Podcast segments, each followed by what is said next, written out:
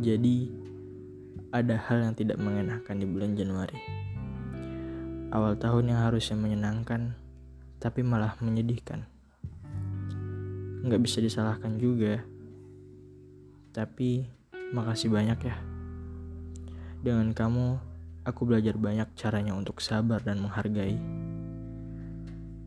Memang kata maaf itu tidak cukup. Tidak cukup untuk sebuah kesalahan. Aku tahu. Tapi seharusnya kesalahan bisa dimaafkan. Bukannya harus pergi meninggalkan. Karena nggak ada yang sempurna di dunia ini. Cerita yang kita bangun sedemikian rupa hancur dengan satu kesalahan saja.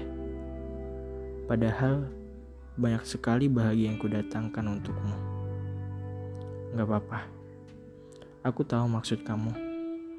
Jika memang pergi adalah jalan terbaik menurutmu, aku rela. Rela untuk melupakanmu.